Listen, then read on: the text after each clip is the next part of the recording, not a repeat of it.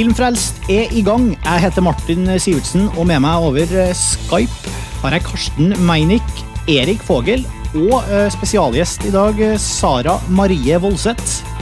Vi skal prate både om Gran Torino og Hunger i dag. Så først kjører vi i gang med, med traileren til Gran Torino. Come here, girl. Stop! Let go! What you looking at, old man? Ever notice how you come across somebody once in a while you, you shouldn't have messed with? That's me. Are you crazy, man. Get out of here, man.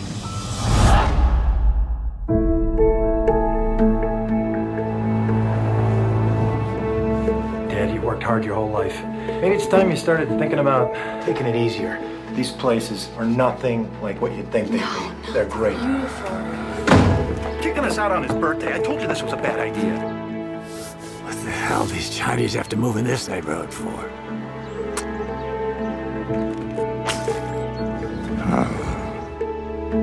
Dorothy mentioned specifically that it was her desire for you to go to confession. And I confess that I have no desire to confess to a boy that's just out of the seminary.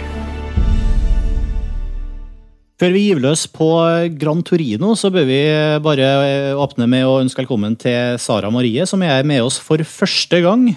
Hei, hei. Sara, du eh, bemerka på eh, kommentarfeltet på filmfrelst.no for litt siden at eh, du mente kvinneandelen på Filmfrelst muligens var litt lav. Ja, dere diskuterte mm, ja, litt sånn veldig enige guttetype-meninger på en del filmer som jeg har kanskje vært litt uenig i, så jeg vet ikke om jeg kanskje kan bidra med et, ja, et annet synspunkt på noen av filmene vi har sett, da. Ja? Kanskje. Og det er vi helt enige i, og vi tok det jo veldig eh, Vi syns det var en kjempeidé, og ble veldig glad da du faktisk eh, eh, viste at du hadde både filminteresse og nok og, og lyst til å være med, ikke minst. Så kan du ikke fortelle et par ord om deg sjøl? Hva, hva holder du på med? Og hvor i landet befinner du deg? Ja, jeg befinner meg i Oslo og prøver å komme meg inn i filmverden. Det er vel egentlig det jeg driver med. Jeg har studert dokumentarfilm og er litt filmfrik, kort fortalt. Vi har, vi har, vi har hovedvekt på freak. Først Freak. Velkommen, du passer jo rett inn på Filmfrelst. Ja, velkommen skal du være, altså. Takk for det.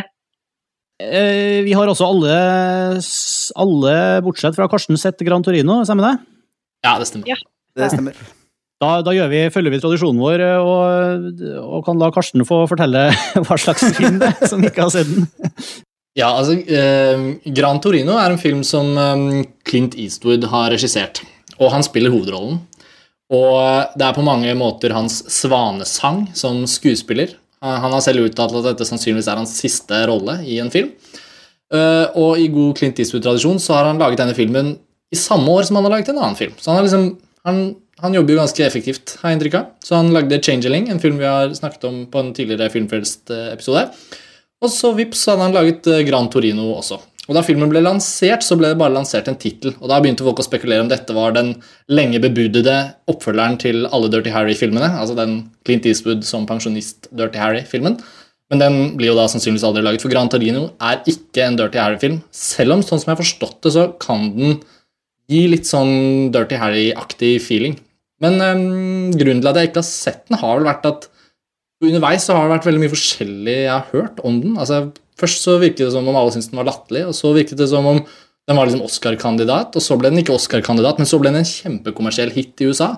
Tenkte jeg, er den skikkelig publikumsvinner? Og så er den kommet til Norge, og så vet jeg ikke helt, og så har jeg ikke rukket å se den ennå. Så jeg er veldig spent på hva dere har sett i den. Jeg er også veldig spent på hva både Erik og, og, og Sara har å si, fordi jeg tror det her er en sånn film som det er veldig delte meninger om. Altså. Erik først, hva, hva syns du? Jo, um, jeg er også veldig delt i den. Altså, på ene sida syns jeg den er fryktelig solid og, og, og en veldig Hva skal jeg si en, en, altså, Det er en film hvor du får det du forventer. Du får Clint som en gammel, sur gubbe.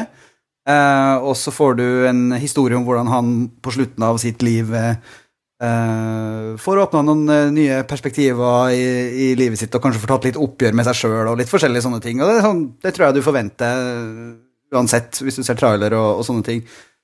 Men den også Den er ikke jeg har på en måte glemt den eh, litt allerede. Eh, Allerede. Den er ikke en film som blir sittende veldig i eh, I hvert fall ikke i magen min. Um, men den står seg på solid skuespill og, og Clint i Ja, i, med, Clint har kontroll, da, både foran og bak kamera. Enn du, Sara, hvis du skal komme med en sånn oppsummerende introduksjon før vi virkelig digger inn i filmen? Ja, nei, jeg var i utgangspunktet veldig veldig skeptisk. for Det var en film jeg ikke hadde lyst til å se, egentlig, i det hele tatt. På grunn av da den klisjeen som jeg føler Clint Eastwood på en måte er blitt, og at han skal være Dirty i 30 år etter. Det var jeg veldig sånn Hvorfor skal jeg gidde å se det? Jeg ble egentlig positivt overraska, men jeg tenker etter nå, så veit jeg ikke helt. Det er en film som ikke sitter, så jeg er veldig enig i hva du sa nå nettopp. At den ja, var, den var grei der og da, men den forsvant fort. Jeg synes jo det er, det er veldig imponerende at en kar som snart runder 80, er så Altså, gjør det han gjør, liksom. Um, og er så, så livlig og, og så, så produktiv. Men um, jeg må jo si at jeg syns på alle måter det er liksom et, det er bare et hav av forskjell føler jeg, mellom den filmen her og, og den Changeling som, vi, som, som jeg syns var veldig god. Her, jeg, hadde jeg klart ikke den filmen her først og fremst pga. at jeg syns det var så utrolig mye corny eh, dialog og så mye scener som, som var så, så platt og, og dårlig skrevet og dårlig spilt. Jeg mener Jeg, Jeg vet ikke om dere, om dere fikk den feelingen, noe sånt, men jeg, jeg satt liksom og vrei meg nesten i hver eneste scene. altså Jeg, jeg, klarte, jeg klarte ikke å akseptere det som noe virkelig, det som skjedde på skjermen i det hele tatt. Yes. Nei, det var pakka med mange klisjeer, da, egentlig. Og mange stereotyper, men det er jo det den kanskje prøver å sette spissen på, da. Og sette fingeren på alle de stereotypene vi har. Men istedenfor å kritisere det, så bygger den kanskje litt opp under noen også. Ja. Altså. Clint Eastwood er jo eh, alltid fascinerende når han er på skjermen, selv om han enten han er, han er på sitt beste eller på sitt dårligste, så har han jo et sånt nærvær som gjør at det, er det jeg synes det er interessant å se på han. og han har, altså Ingen kan se bitter og, og vred ut som, eh, som Clint Eastwood, liksom. Der er jeg uenig. Ok. Nei, men, men, Det er også grunnen til at jeg ikke ville se filmen, for jeg syns ikke han som personlig, eller som skuespiller, har noe som gir Det er ikke noe Ja, det blir bare 'jeg har sett han før'. ja, og det, det har man jo. og Og han gir ikke noe nytt av seg selv i den filmen her. Jeg har lest noen anmeldelser som sier at da, vi ser noe annet i han og, enn hva han har gjort, og det er en, hans sterkeste skuespillprestasjon noensinne. og Jeg er ikke enig. Nei. Men jeg vil, jeg vil ta tak i litt, ta tak i litt det dere snakker om, eh, altså det med stereotypi, som, som både er helt eksplisitt tatt opp gjennom at, at altså, han spiller jo sjøl en kanskje en sånn, sånn klisjéfylt gammel eh, Koreakrigsveteran som bor i et eh, strøk som hvor, uh, som har blitt skifta ut etter hvert som han har blitt eldre med, med innvandrere.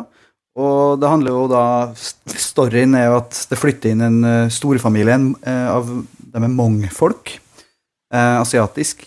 Og, og han, han skjeller dem jo ut og kaller dem eh, alle mulige forskjellige grove fornærmelser, eller, eller hva skal jeg si Han, han, han bruker begreper som eh, rasistiske beskrivelser av dem som er ganske hårreisende. Eh, etter hvert som han blir kjent med dem, så fortsetter han å, å, å kalle dem for Hva han sier for noe? Han sier jo gooks og slant eyes, og det er ikke måte på hele veien. Eh, men, men etter hvert så tør han opp, og det, men filmen blir til syvende og sist ganske sånn melodramatisk. Føler jeg at den er sånn der, å ja, du, du, du, sitter, du ligger hele tida i forkant av det som skal skje, og at du skjønner at det her skal handle om at hans iskalde hjerte skal, skal tø opp, og det gjør det. Det ligger jo i kortene fra, fra det. Han er jo siste hvite mann på blokka. og den rasisme, Det er jo veldig, sånn, veldig eksplisitt at hele hans rasisme har, har jo dype røtter i, i, krigs, eh, i krigsdrømmene hans. Men han omtaler jo alle de andre, noen andre bikarakterer også. En italiensk uh, eh, barberer, som uh, han også omtaler med, med, med stereotypis, stereotypiske uh, kallenavn, og en, eh, en irsk-etta, eller irsk-amerikansk eh, eh, bygnings, eh, byggeleder, som han også han kaller for eh, old dirty old Mick, sier han. Eh, og, og det hele veien så, så valser Clint gjennom eh, de stereotypiene. Men, men, er det, men er det, gis det noen grunn for hvorfor han altså, Begrunnes det ganske godt hvorfor han oppfører seg som, som karakter? Det, jeg, nå som jeg ikke har sett filmen, så blir jeg veldig nysgjerrig på om han får vite hvor han kommer fra som menneske, sånn rent mentalt, for det virker jo som om han har et alvorlig problem. Du får vite etter hvert i, mot slutten av filmen så får du i hvert fall vite litt om, litt om hva som skjedde i Koreakrigen og litt sånne type ting. som Du skjønner at det er jo, du skjønner, men du skjønner hele veien at det, at det er trauma derfra som, eh, som har forma den. Okay. Både, både, det og også i forhold til sønnen og familien. For han har jo uh, var det én eller to sønner, hvor da han har jobba i en uh, bilfabrikk og laget da Gran Torino, som da um, tittelen kommer fra. Og bl.a. sønnen går jo over til å jobbe for uh, Toyota, som da ikke er helt amerikansk, for å si det sånn. Og det ligger jo en del bitterhet der, da, når til og med sønnen på en måte snur, han, snur ryggen til ham på den måten. Og da at folk både tar over Naboen tar over eh, Blir tatt over, da. Naboland ja, av eh, Hva skal vi kalle det? Hva er det han kaller det? Gooks, som dere sier. Og familien blir revet fra han på et vis, eller om det er han som støter alle fra seg. Det er jo også kanskje lettere å se det utenfra, men fra hans, fra hans side da, så virker det som han blir liksom angrepet fra alle kanter av disse som kommer og tar og river den stabile, nasjonalistiske amerikanske drømmen som han kanskje har hatt. River det vekk fra Ja. Alt, alt, det der er jo, som, som, du sier, Erik, det er jo ganske forutsigbart, og, og, man skjønner jo på en måte hvor det går. Det, men eh, har, er det bare jeg som, ikke, som, som syns at, eh, at, det ikke føltes ekte i det hele tatt? Som jeg, jeg hadde så vanskelig med, med, å leve meg inn i, i nesten hver eneste scene. altså.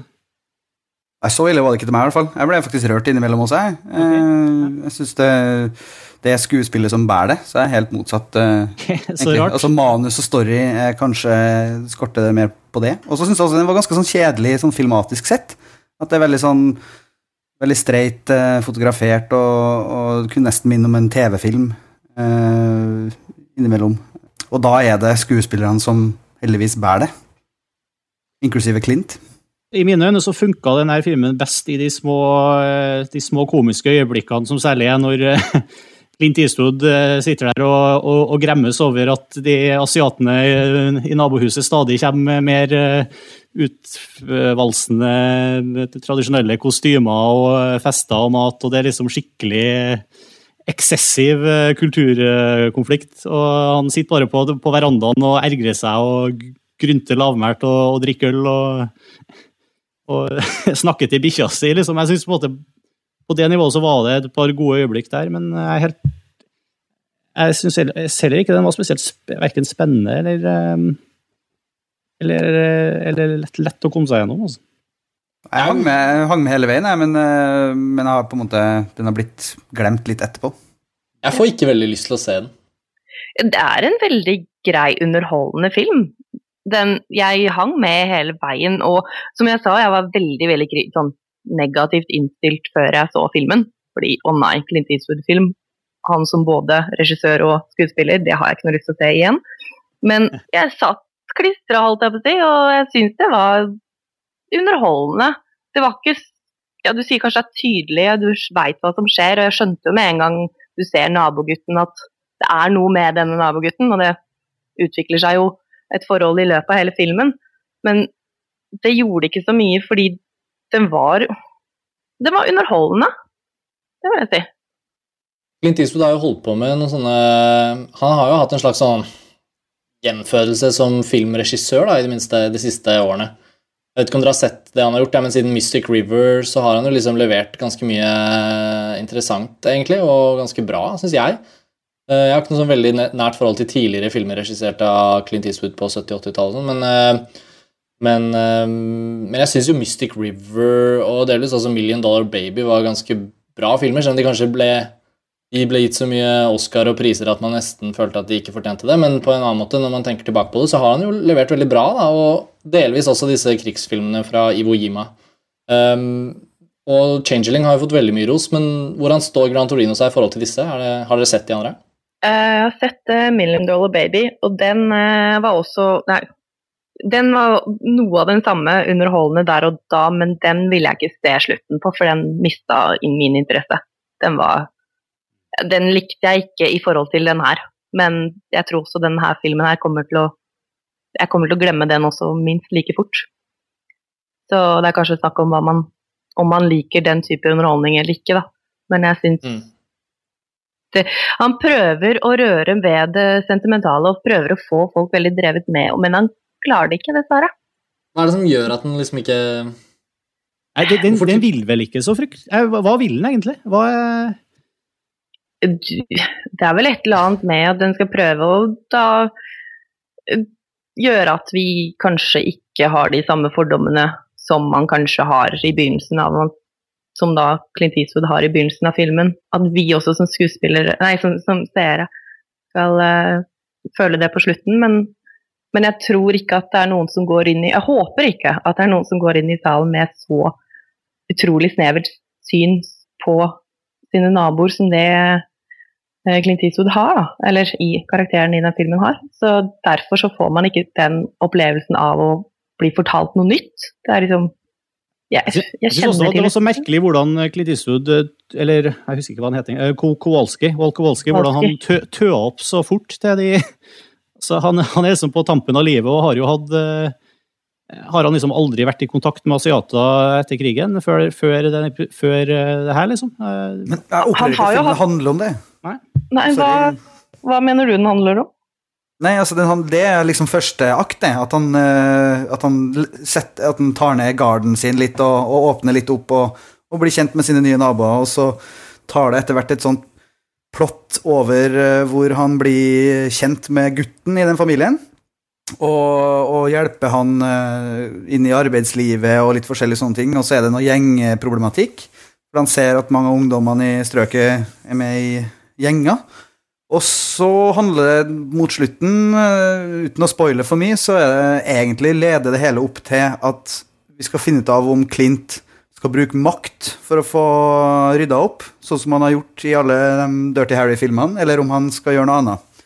Og da skal jeg ikke si hvordan det går til slutt, men jeg oppfatter ikke at den den, eh, den diskusjonen rundt rasisme og, og xenofobi, kanskje, frykt for det ukjente, som, som det legges opp til tidlig, det er ikke det det til syvende og sist handler om. Nei, jeg tror, jeg tror først og fremst det handler om eh, hans uh, måte å, å, å forsone seg med, med, det, det han sitter igjen med etter krigen. Altså. Det er det det hele handler seg om, at eh, alt det som skjer utover er måte like mye en eh, forsoningsprosess han har med altså prøve å, å, å gjøre opp med seg sjøl. via det, det forholdet han får til naboene. Og, og, og ikke minst via det som skjer på slutten. Ja. Ja, jeg syns det er da litt vanskelig å få med når man ikke kommer inn på han som karakter. Man får jo egentlig ikke høre så veldig mye om hvordan han tolker hva som skjedde. Fordi han har jo prøvd å sperre det inne selv, og derfor så får ikke vi som ser på heller føle grunnen til at han er sånn, så godt. Og derfor så glipper akkurat det den prosessen glipper, mens handlingen da Og det gjør det også at det blir en litt mer sånn underholdende film der og da som glipper. Fordi den har ikke noe mer å gi fordi vi ikke klarer Jeg klarer iallfall ikke å sette meg inn i hans tankemåte å være på, så derfor blir ikke jeg med på den forandringen underveis. Kanskje. Mm. Jeg Jeg vet, vet, det så mye mer å, jeg vet ikke om det er så mye mer å si om henne. Nei, jeg tror kanskje ikke. Eh, Hva syns dere om filmmusikken? Husker jeg ikke engang. Husker ikke, nei. Var det ingen som reagerte på da, du- da, da rulleteksten slo inn? Nei, Uff, hva da? Forferdelig. Jo, Det som skjer, æsj. Clint Eastwood synger uh, sine Å ja, selvfølgelig! Herregud. Ja. Nei, det hadde jeg glemt helt. Ja, Nei, det prøvde jeg å glemme. Det å er det sånn, den er ikke akkurat like ikonisk som The Wrestler. Nei. Er den på Spotify, eller? Jeg vet ikke. Jeg søker nå. Nei, det står ikke noe. Jo, Jamie Cullum and Clint Eastwood, Grand Torino, filmversion. Ja. Ja. Jeg, jeg må, det, var, det kom sånn overraskelse på meg. Jeg hadde ikke lest nok om filmen på forhånd til å, til å vite om det. Så. Men jeg, jeg, jeg hørte jo med en gang etter å ha hørt eh, stemmen til Walk Walski gjennom hele filmen, at uh, her var det han, det var som, samme? her var det han som geleida meg ut av kinosalen. Kanskje man burde ha det oftere, at hovedpersoner eh, synger seg liksom ut av filmen? Jeg, jeg syns det var tøft, jeg. Ja, jeg, Tøft, tøft som i modig, eller tøft som i bra? Eh, tøft som i modig.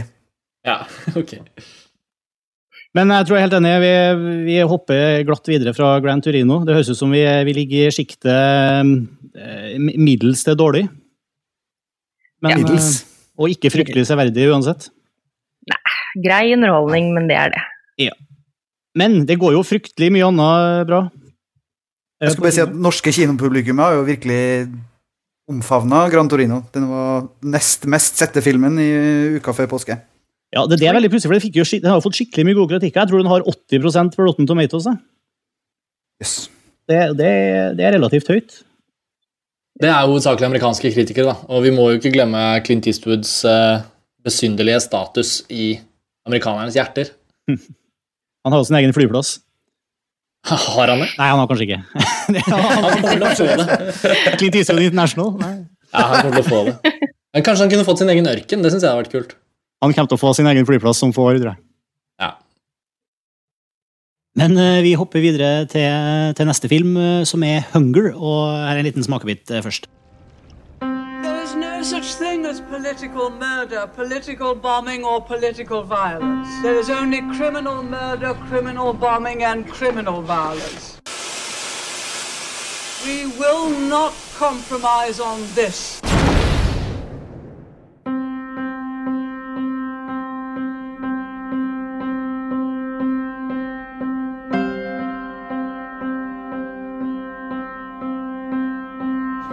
Right, Bobby? I'm grand, ma. Are they feeding you all right?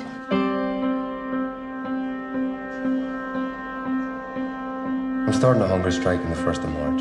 You're going head to head with a British government who are unshakable.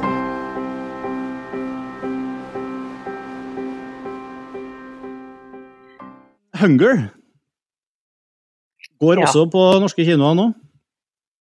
Eh, britisk eh, Steve McQueen som regissert. Er hvem påtar seg å innlede den? Hm? Er det hans debutfilm, er det ikke det? Ja, jeg kjenner i hvert fall ikke til karen fra før. Nei, han er artist fra før og har laget en del eh, kunstfilmer og litt sånn, ja, andre småfilmer og ikke noe. Det her er hans første, første film som regissør, for det første langfilm som regissør. Men det er kanskje andre som kan eh, presentere den bedre enn meg. Hans første film som regissør etter at han slutta som legendarisk skuespiller. ja. Ja. Han, eh, jeg, har, jeg har ikke sett filmen, dessverre, men det er fordi at den ikke har vært eh, tilgjengelig, rett og slett, der hvor jeg har vært. Eh, Jeg har gledet meg enormt mye, for den, dette er den filmen som vant en veldig spesiell og prestisjetung pris i Cannes i mai i fjor, på filmfestivalen. For den vant da Camera d'Or, som går til beste debutfilm. Det pleier som regel å love godt. Hvis man ser tilbake på tidligere prisvinnere der, så har det som regel betydd betydningsfulle filmskapere, da, etter hvert som de får laget flere filmer. Og, eh, og han, sånn som jeg har forstått det, han Steve McQueen, så er han en, eh, en veldig respektert på en måte kunstnerskikkelse i England, hvor han er fra. At han, han har en veldig status der. Eh, Men i resten av verden tror jeg han har vært et helt ubeskrevet blad. Så det har vært en sånn såkalt knalldebut. Også for hovedrolleinnehaveren, som eh, ja, som eh, kanskje dere som har sett filmen, kan si mer om. Men han har fått også veldig mye skryt. Han har jo lagd filmen her eh, med utgangspunkt i, eh, i en his- historisk hendelse i forbindelse med i, på tidlig 80-tallet. Filmen er satt til, til Nord-Irland, i et fengsel der. hvor du har en del IRA-fanger, rett og slett, som, som går, etter hvert går på hungerstreik. Og det blir avbilda i all sin grusomme detalj. Jeg har både det Du har ikke sett den, kanskje, når du, Erik, og, du, Nei, dessverre. og Sara har sett den? Jeg har ikke Ja. sett den. Nei, du har sett den, Sara. Jeg har sett den, ja.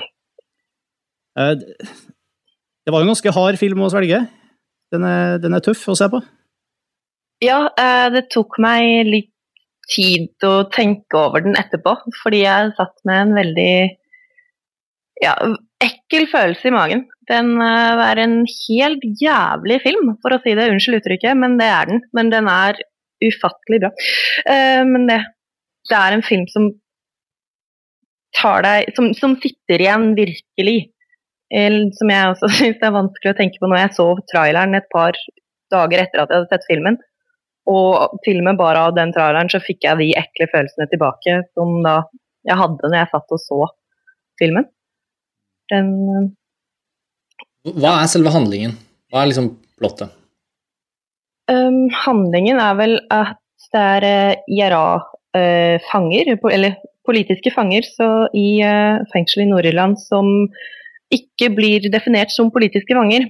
Og de går i da først i en hva de kalte blanket and no washing protest, som de begynte med i 76, for å da bli behandla som politiske fanger, og da få litt andre eller være i fengsel på andre vilkår enn andre kriminelle. Uh, og filmen portretterer videre hvordan i 81 de har De fangene som er der, protesterer videre mot fengselsmaktene og også mot uh, Det er vel egentlig mot Nord-Irland og mot de som sitter og bestemmer. Uh, de ender jo opp så å si uten rettigheter, de fangene, fordi de som, som du sier ikke har, har den rette statusen. Ja, og, og det, de protesterer med alt det de kan gjøre når de er i fengsel. Det er jo ikke hva kan man protestere med når man er fengsla. Den her første typen, den hunger, hva kalte du hunger and, Nei, no blanket no Blanket washing. and no wash protest. Ja, det er jo rett og slett en hver skitten og avskyelig protest. Ja. Det er en, det vi får se en del av i begynnelsen av filmen. Og man kan jo tenke seg det å være i et fengsel og ikke vaske seg og ikke ja, ja, egentlig nekte å vaske seg. Det høres kanskje ikke så ille ut, men uh, det de gjør, er Fangene der inne de skal vise dette til fangevokterne og til alle rundt ved å da skitne til noe ekstremt. Jeg vet ikke, kanskje andre kan si noe mer om, om det? Ja, det er mye dritt som flyter, for å si det sånn. Uh, ja. Det er den eneste måten å si det på.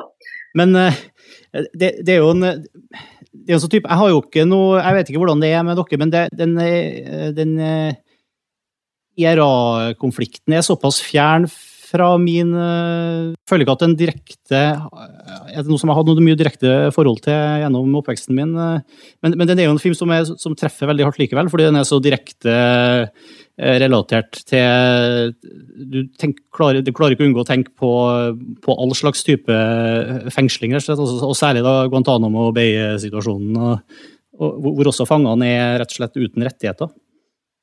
Ja, den, den historiske rammen rundt blir jo egentlig ikke framheva sånn veldig mye i løpet av filmen. Det som blir framheva, er hvordan de enkeltpersonene i fengselet har det. Og hvordan det påvirker menneskene som er der, og hvor uhumane eh, tilværelsen deres er, altså hvor uhumant det er. Så hvis man da veit mye om det politiske temaet rundt, så er det sikkert noen som kan kritisere og si at uh, filmen portretterer fangene som noen større helter på en måte enn det de kanskje noen på, vil påstå at de var. Men jeg mener ikke at det er det som er hovedtemaet i Det er ikke det filmen vil fokusere på uansett. Det jeg også synes var veldig, veldig virkningsfullt her, at du får jo ikke bare se hvordan fangene har det, du får jo også ganske Du får jo også innblikk i livet til, til både fangevoktere og, og, og britisk politi som blir kalt inn rett og slett for å banke opp de fangene. Og, og det er ganske rørende og ganske treffende, hvor det, det, det, er fått fram på en sånn veldig god måte hvordan eh, det her er en type konflikt og type situasjon som, eh, som eh, ingen av partene har det bra med seg sjøl med. Det er en forferdelig situasjon for, for, for, alle involverte, rett og slett. Eller åpningssekvensen til filmen syns jeg var utrolig god. Du kan kanskje si noe om den til de som ikke har sett? Eh, som, som eh, du, du, begynner rett og slett eh, hjemme hos det som etter hvert viser seg å være en av fangevokterne. Går gjennom hans daglige rutiner og blir på en måte veldig nært knytta, som det ofte er på film, at jo mer tid du bruker med en person, jo nesten uunngåelig, hvis den ikke er en veldig karikert skurk, selvfølgelig, jo mer innlevelsessympati får du med den personen, og, og det ender opp da med å være en av de en av de mer brutale fangevokterne på det fengselet, og han har han har det vondt i starten av filmen. Han har såre knoker, og du oppdager etter hvert selvfølgelig hvorfor han har det. Og, og så det... lener han seg under Han skal ut da Og Ja, selvfølgelig. ja, ut og kjøre. Du vet, blir ikke fortalt noe. Det er den filmen her så blir du ikke Det er ingenting som er over øh, overforklart, da, på noe vis. For det blir ikke forklart hvor han skal og hvem han er, eller noen ting. Men du ser han går ut og skal sette seg i bilen, og lener seg ned og kikker under bilen. Og ser da ut på veien fram og tilbake, og før han setter seg i bilen og kjører. Og man blir ikke forklart det at han lener seg ned for å sjekke om det er en bilbomme der. Men du veit jo at denne filmen handler om IRA, eh, eller folk som da er vært i IRA, og man veit om bilbomber. Men det er noe som ikke slo meg før jeg skjønte hva slags type film det her var. Det tok litt tid før jeg Og ikke minst, ko, ko, ko- du ser det fra perspektivet til kona, som står bak gardinene og stirrer nervøst ut. Ja, Som, som hun tydeligvis har gjort i mange må måneder eller år. Det høres jo ut som en veldig spennende film, da. både filmatisk og innholdsmessig. Um, det er bare Fra traileren så får man jo en veldig veldig klar følelse av at denne filmen har et sterkt eh, visuelt språk og en veldig sterk historie å fortelle. Og tittelen 'Hunger' altså, Jeg har jo lest at det går til sultestreik. Det, det, det er ikke bare den um, ikke vaske seg-streiken, men, men det, det blir mer og mer alvorlig. Filmen er jo også en, eh, en studie i, i hva som skjer med menneskekroppen idet den ikke får, får, ikke får næring. Ja, for da lurer jeg liksom på hvor, hvor, går, eh, hvor, hvor går filmen? Altså, jeg kjenner ikke den Jeg vil ikke at dere skal forklare alt, selvfølgelig, men, men ehm, jeg kjenner ikke den originale historien. Men uh, foregår det hovedsakelig i fengselet hele filmen igjennom? Eh, Den gjør det. Og det er, det er godt spørsmål, egentlig. Hvor går den? Fordi eh, altså Hva den i bunn og grunn egentlig Jeg tror det er, vikt, jeg tror det er et poeng å vise de Å fokusere sånn på på de veldig sånn fysiske as- aspektene med det, fordi det, det blir desto mer mektig, da, og du, du, skjønner så mye Du får så mye kanskje økt forståelse for, for hvor eh, hvor ekstrem situasjonen var for de, de fangene, og, og hvilke valg de eh, var nødt til å gjøre for å faktisk altså, De brenner jo veldig for et eller annet. De har ikke, som, som du sa, så de har veldig lite å kjempe med, liksom. Og de, de kjemper likevel. Kan jeg, spørre, kan jeg spørre hvem er filmen for? Hvem bør gå og se den? De med sterk mage, men egentlig alle. Jeg, har lyst til å bare si en ting som jeg synes var veldig fascinerende. Det er jo en eh, film som er veldig, veldig nær og, og klaustrofobisk i, i stilen, og sånn, men det, men det, og det, det er særlig én scene midt inne i filmen. Jeg vet ikke om du, om du la merke det, Sara, men den er Det er den beste scenen. Jeg tror jeg veit hvilken du mener. Ja, den er helt når- fantastisk. 15 minutter, over 15 minutter lang. Det, ja, det er en scene på cirka, jeg tror det er på nesten 25 minutter eh, med en samtale mellom eh, en av fangene og, og det er en samtale i fengselet, rett og slett. Det kommer en, en prest på besøk. Uh, og ja, som du sier, 15-16 minutter av de 25 minutterne er tatt opp uh, på stativ i ett take, i, uten bevegelse i eh, scenen nesten i det hele tatt, og det er bare prat. Det sier veldig mye om skuespillerprestasjonene òg, da.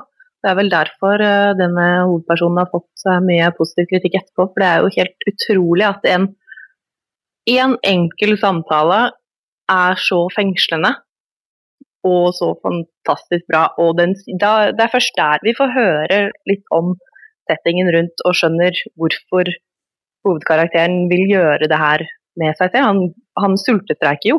Og det er jo nesten første gangen hovedpersonen prater. Ja, egentlig. Um, og den Ja. Og det er jo 40 og 40-50 minutter inne i filmen, etter at du har blitt dratt gjennom eh, mange prøvelser. Så det er, Ja. Men det, det må nesten se, det sier veldig mye om stilen til, eh, til filmen nå. eh, at den kameraet tør å stå stille. Vi, vi som publikum må velge Vi må se på. Flipperytmen er vel veldig rolig i en del, eh, en del scener som dess, Dessverre så må du se all den jævelskapen som er, men det er jo så sinnssykt bra. Det, er liksom, det høres veldig negativt ut når jeg sier det på den måten. Fordi Ja, men, det, det, er men det hadde jo ikke funka i det hele tatt hvis du hadde starta med den scenen, eksempel. Nei, det hadde jo ikke det. Um, rett før Eller det er jo på en måte tre deler, vil jeg si. Da egentlig kanskje fire deler i filmen, for det er fire karakterer du følger med. Men det er på en måte en del da før den scenen hvor du, du får en følelse av hvordan fangene har det. Eh, du ser hvor jævlig de har det, og denne scenen her, da skjønner du hvorfor de gjør det de gjør. For man kan jo spørre seg sjøl hvorfor tar de ikke bare på seg fangedraktene? Hvorfor vil de absolutt bli behandla på den måten de gjør? Den scenen gir et innblikk i hvorfor de tror så sterkt på det her, at de lar seg behand bli behandla som de gjør. Så, så på en måte så er det jo bare en, en ren sånn eksposisjonsscene, på en måte, men, men ja, utrolig effektiv. Ja. Og hypnotiserende. Ja, definitivt. Men, men jeg synes alle som er filminteresserte, må, bør se denne filmen her. For du spurte nettopp eh, hvem dere det var som spurte om hvem burde se den filmen. Alle filminteresserte bør se den filmen, også pga. filmspråket. For den, det, er, det er jo nokså unikt. Det er lenge siden jeg har sett en film som er så gjennomtenkt i absolutt alle bilder som blir brukt. Det er ingenting som virker, ut, virker som det er der sånn, som er overflødig. Vet ikke om du er enig med meg i det? Jo, jeg er veldig enig. Det var, det var en prakt, rett og slett. Veldig, veldig oppslukende film. Også. Det er veldig bra at den har kommet på kino i Norge, da. Jeg så, Den gikk ikke på Lillehammer, men den går vel kanskje i Oslo og et par andre byer. Jeg skulle faktisk til å sjekke det nå, for jeg tror, eh, tror ikke den går eh, overalt. Jeg tror det er en ganske liten film, sånn lanseringsmessig. Ja, det så også ut som den dessverre ikke hadde blitt sett av så veldig mange i åpningshelgen, men den, den virker jo også som den ikke har blitt Det er kanskje en vanskelig film å selge på mange måter, men, men kvalitetsfilm Den har fått veldig gode kritikker i Norge og i hele verden generelt, og og den virker jo som om den er en, en type film som skiller seg ut i, i gruppen av filmer som er tilgjengelig på kino til enhver tid, ved å både være veldig alvorlig og politisk og kritikerrost og prisvinnende. Så, men det hadde vært synd om den forsvant før folk rekker å se den. Ja, jeg, skjønner, jeg kan skjønne hvorfor folk vil velge å ikke se den. Hvis man har lyst til å gå på kino for å bli underholdt, så er ikke det, den her, det her den filmen de bør se. Det er ikke en popkornfilm? Nei, ikke sant. Absolutt ingen popkornfilm. Det er ikke noe matfilm i det hele tatt, egentlig. Men da er det kanskje en fin ting å få med seg den her på DVD, da, når den kommer. Jeg tror faktisk den er eh, sluppet på DVD i England, jeg, hvor filmen er laget. Den kom jo på kino der for lenge siden, selvfølgelig. Så jeg tror faktisk på Play så går det an å kjøpe filmen allerede. Det er en film fra i fjor. Det skjer ganske ofte. Mange av filmene som går på kino, som, er, som kommer sent for det. Ja. Det er jo dessverre tilfellet ofte med de litt smalere filmene, da. Vi, skal vi eh, prøve, skal vi si oss ferdig med Hunger? Ja, jeg vil bare si sånn runde av og si at eh, jeg anbefaler den veldig sterkt. Den er en veldig, veldig sterk film, og den er veldig bra. Har du muligheten til å se den, så se den. Jeg anbefaler den på det høyeste. Hvis du er typen som hører på Filmfrets, så er det nok typen som setter pris på filmen her òg. Det er veldig kult at man kan bruke den setningen der, eh, Martin. Det, Da har det skjedd noe. Det tror jeg skal bruke hver gang framover. Ja, vi må ha med i, i hver episode, så må noen si det. Er det noen andre som har sett noe bra? Jeg har sett Terminator. Den 1. første? Ja, altså, etter at vi snakket om at vi skal ha en fremtidig Terminator-episode av Film- Filmfrelst, som jo våre lesere har eh, blitt veldig fornøyde med og sagt støttet i kommentarfelt og rundt omkring, så ble jeg jo bare helt sånn Åh, jeg må bare begynne. Og det er fordi jeg gleder meg veldig til den fjerde filmen, og jeg er veldig veldig glad i de andre filmene. Så da bare gikk jeg løs på den første Terminator-filmen, så det var lenge siden jeg har sett. Og den er jo så bra! Cameron, Cameron, den er jo så bra. Så det er egentlig bare det jeg hadde å si. jeg har ikke gjort noen nye oppdagelser, det var ikke noe nytt å melde, men Jeg, jeg har faktisk i forberedelse av eh, at vi skal prate om Terminator, jeg òg, så har jeg gått, kjøpt meg Terminator 3, som jeg bare har sett én gang. Så Ja, den har også jeg bare sett en gang på kino, faktisk. Men jeg husker jeg likte den veldig godt.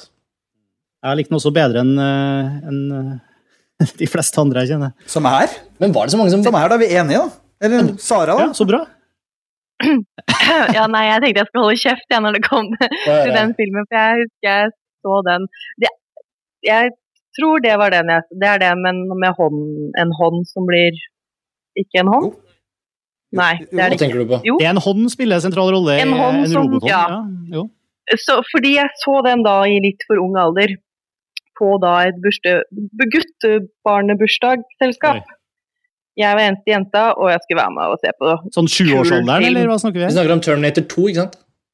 Nei, ja, jeg tror det er toeren, da. Må, jeg husker jo ikke, men jeg vet iallfall at det er Terminator. Så det var nok i en sånn sju-åtte års alder, kanskje. For det eneste jeg husker av den filmen, er en hånd som ikke er en hånd, som er en kjøttmaskin-type. De har bare bilder av et sånt hode eller et bein eller et eller annet som blir skvisa på en sånn forferdelig måte, som bare har gjort at jeg ikke vil nærme meg de filmene. Og det er jo egentlig veldig synd, da, fordi man bør jo kanskje ha sett de og sånt, men jeg har ikke turt fordi jeg fikk sånn traumer etter å se de. Det er jo, voksen, det er voksenfilmer. Ja, eh, ja, jeg var litt for ung, så jeg gikk heller da inn i naborommet og lekte med lillesøstera isteden. Syntes det var litt kjedelig, men det var iallfall bedre enn å se Terminator som barn. Det er veldig, det er veldig Så- morsomt eh, at du forteller det, for jeg hadde en veldig, jeg hadde en veldig lik opplevelse av den scenen i Terminator 2. Eller i hvert fall én scene i Terminator 2. Eh, jeg tror jeg skal spare historien til vår store Terminator-episode. Men det morsomme da var jo at resultatet var at jeg fikk bare et så innmari lyst til å se mer av de filmene. Så det var en motsatt effekt. Jeg må innrømme at jeg har litt lignende erfaringer med aliens. Åh, herregud, ikke begynn med Alien. Det var jo forferdelig. Det er jo mye skumlere enn Terminator. Som utvikla seg til å bli en av mine yndlingsfilmer. Men, Ja, ikke sant? Kanskje vi burde det hatt en litt- eh, Sorry. Det kommer litt an på alder du ser den i, vil jeg tro. Ja, det har mye å si. Ja, for jeg så var på da Watchmen, og der var det en i salen som gikk ut sammen med en unge på kan ikke ha vært mer enn ja, åtte-ti år. Og det jeg skjønner veldig godt hvorfor de forlot salen. Så det er en sånn oppfordring til alle foreldre som eventuelt lytter, og sjekk aldersgrense på filmer før de ser det. Fordi du kan få litt sånn traumer av ekle scener, selv om de kanskje er morsomme for eh, de som er eldre. Så er det ikke fullt så gøye for de barna som ser. Hunger har vel kanskje 15-årsgrense? Eller? Den burde iallfall ha det, om ikke en 18. Watchmen har vel også bare 15. Det som er skuffende for en åtteåring på Watchmen, er vel det at superhelter voldtar hverandre. Det er jo litt kjedelig å få lære det så tidlig. Ja. Hey, sooner or later, man. You gotta face it. Jeg, jeg leste Alien-tegneserien når jeg var kanskje seks-sju år, og jeg klarte ikke å se filmen før jeg ble 15. Det var liksom, Jeg var så vettskremt av bare å lese tegneserien. Også i Alien var det jo bare én. Tenk deg hvor skumle Ja. aliens var. Jeg ble veldig letta når jeg klarte å faktisk komme meg gjennom Alien, eh, og at den ikke ga meg liksom varige men. Men, eh, men Sara, du må se Terminator-filmene om igjen nå. Jeg tror jeg du vil Ja, nå, nå skal jeg kanskje tørre å gjøre det. Men det er noe annet å se da filmer med sånne ekle scener, som da jeg syns den Terminator hadde, enn å se Hunger. Fordi Hunger vil jeg ikke anbefale for noen som er under 18, fordi den er så realistisk i sin grusomhet. Og det blir litt lettere å, tolke, å takle den grusomheten og den voldeligheten som er i filmer som er actionfilmer, da. Mm. Som på en måte man skjønner at det ikke er ja, forhåpentligvis ikke er basert i noe sant. Det er jo ikke, frykt, det er jo ikke fryktelig selvhøytidelig, det som skjer i Terminator. Det var veldig, veldig alvorlig, det, det jeg husker. at. Hva? Er det ikke alvorlig? Jeg tar det dritalvorlig fremdeles. Jeg sa ikke alvorlig, men ikke så ja. Nei, så, ja, mm, sånn Uansett. seriøst, eller ja. Realistisk. Jeg hadde lyst til å si Så, at men, mens, eh, vi er inne på Watchmen, før vi hopper helt, uh, Watchmen, før vi hopper helt bort fra det um, Jeg har jo leid meg noe veldig spennende på, på Apple TV-en min her. Uh, de som har lest uh, Watchmen Nå skal ikke jeg påskryte meg at jeg er noen sånn Watchmen-fan, fordi jeg leste jo først tegneserien etter at jeg så filmen. nå. Og, men jeg, jeg ble jo helt hekta og syntes den var helt utrolig bra. Ehm, og, men, men en, en ting som er veldig opplagt når man har lest tegneserien og, og ser Watchmen, er at det er jo kutta ut en del eh, veldig sånn essensielle deler av, eh, av historien. Det det er særlig to sånn eh, parallelle historier som går gjennom hele tegneserien, som er, som er helt fra, nesten helt fraværende fra, fra filmene. Det ene er en sånn pirathistorie som liksom gjennomsyrer hele, hele tegneserien og går parallelt med hovedforløpet, som, som fortelles via at en kar på en eh, sånn newsstand sitter og leser den tegneserien, som heter uh, Tales of the Black Frighter. Så er det en annen eh, konsept i, i tegneserien hvor uh, på slutten av hvert tegneseriehefte så er det en del sider med, uh, med uttrakk fra, fra bøker og avisutklipp og sånn. Og særlig en bok som heter Under the Hood, som er en slags sånn eh, bio, selvbiografisk eh, memoarbok skrevet av en av, eh, av de her superheltene. En slags sånn eksposé av, av, om hele, hvor blant annet denne voldtektshistorien blir dratt fram. og Det, blir, det er jo gjort et lite nummer ut av det i filmen og den boka, men, eh, men du, får, du får måtte lest flere kapitler fra den boka i denne serien. da.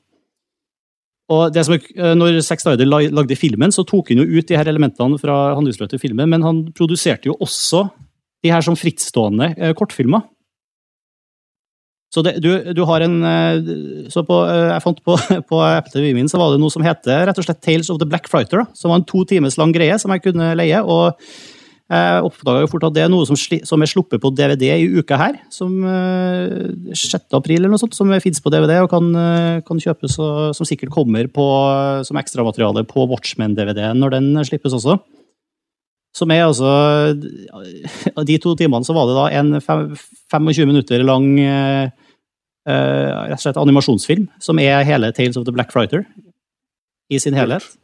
Og eh, en sånn fiktiv, eh, veldig sånn artig metadokumentarfilm om den herre eh, boka, Under the Hood, som, som blir så meta fordi at eh, den er tatt opp i stilen av et eh, 70-talls TV-program som intervjuer forfatteren av den boka. Som, altså alt er in character.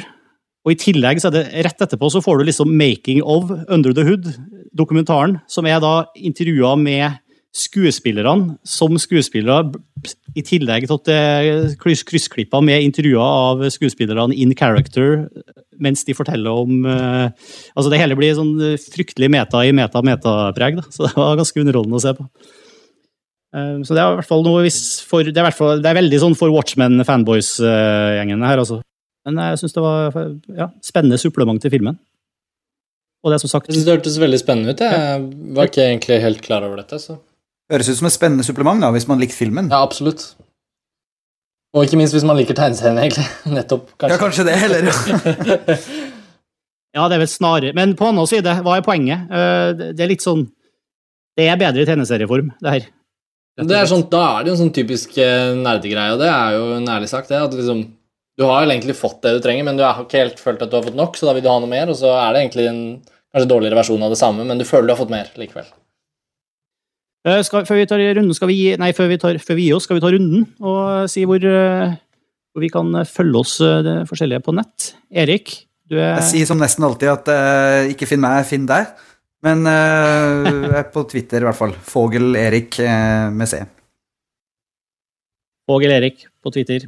Karsten Meinik, eh, du har jo eh, Vi må jeg nesten si har jo nettopp lansert et helt nytt nettsted. Ja.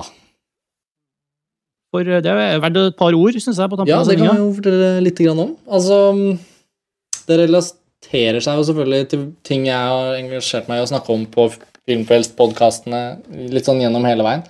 At det er litt viktig at man har et eh, sted i Norge hvor det, hvor det er helt åpenlyst at eh, det bare handler om at man elsker film, og at man kan på en måte prøve å få skrevet litt og sagt litt om hvorfor det er viktig å vise at man har en veldig stor kjærlighet til film. da i det man skriver eller ja, lager podkaster om, eller hva det skulle være. Og i forbindelse med det så har Eirik og jeg jobbet med et prosjekt denne våren, også i samarbeid med deg, Martin, så det er jo mange linjer som krysser hverandre her. Men det heter Og da snakker vi om Eirik Spidesang Slåen, som eh, pleier å være fast inventar på podkasten her. Mm. Og stedet heter Montage. Eh, Det staves Montages. Det er et fransk ord i flertall som betyr eh, bilder satt etter hverandre i rekkefølge for å illustrere en sammenheng av ideer.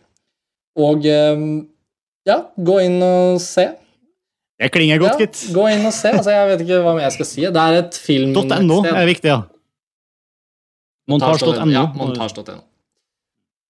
Der er jeg. Sara, hvor eh, finner Ja. du deg på nettet? Hva, hva gjør du? Er du på nett? Ja da. Jeg er jo på Twitter som alle andre, si, eller som alle andre kanskje burde være. Eh, så på Twitter med Samavo som brukernavn. Det er vel lettest å finne meg der. Så har du en blogg, men den finner man link til der. Ja. Det det ligger på Twitter også. Så letteste måten å komme seg inn. Og jeg er også på Twitter, M. Sivert. Og ja, montasj.no kommer jeg sikkert også til å skrive litt etter hvert. Men da legger vi på, på Skype-tråden for eh, ukas filmfrelst. Og ja. God påske, folkens. God påske, alle sammen. Vi er tilbake om én uke. Så eh, da eh, høres vi, da. Ha det bra. Ha det bra. Ha det. Ha det bra.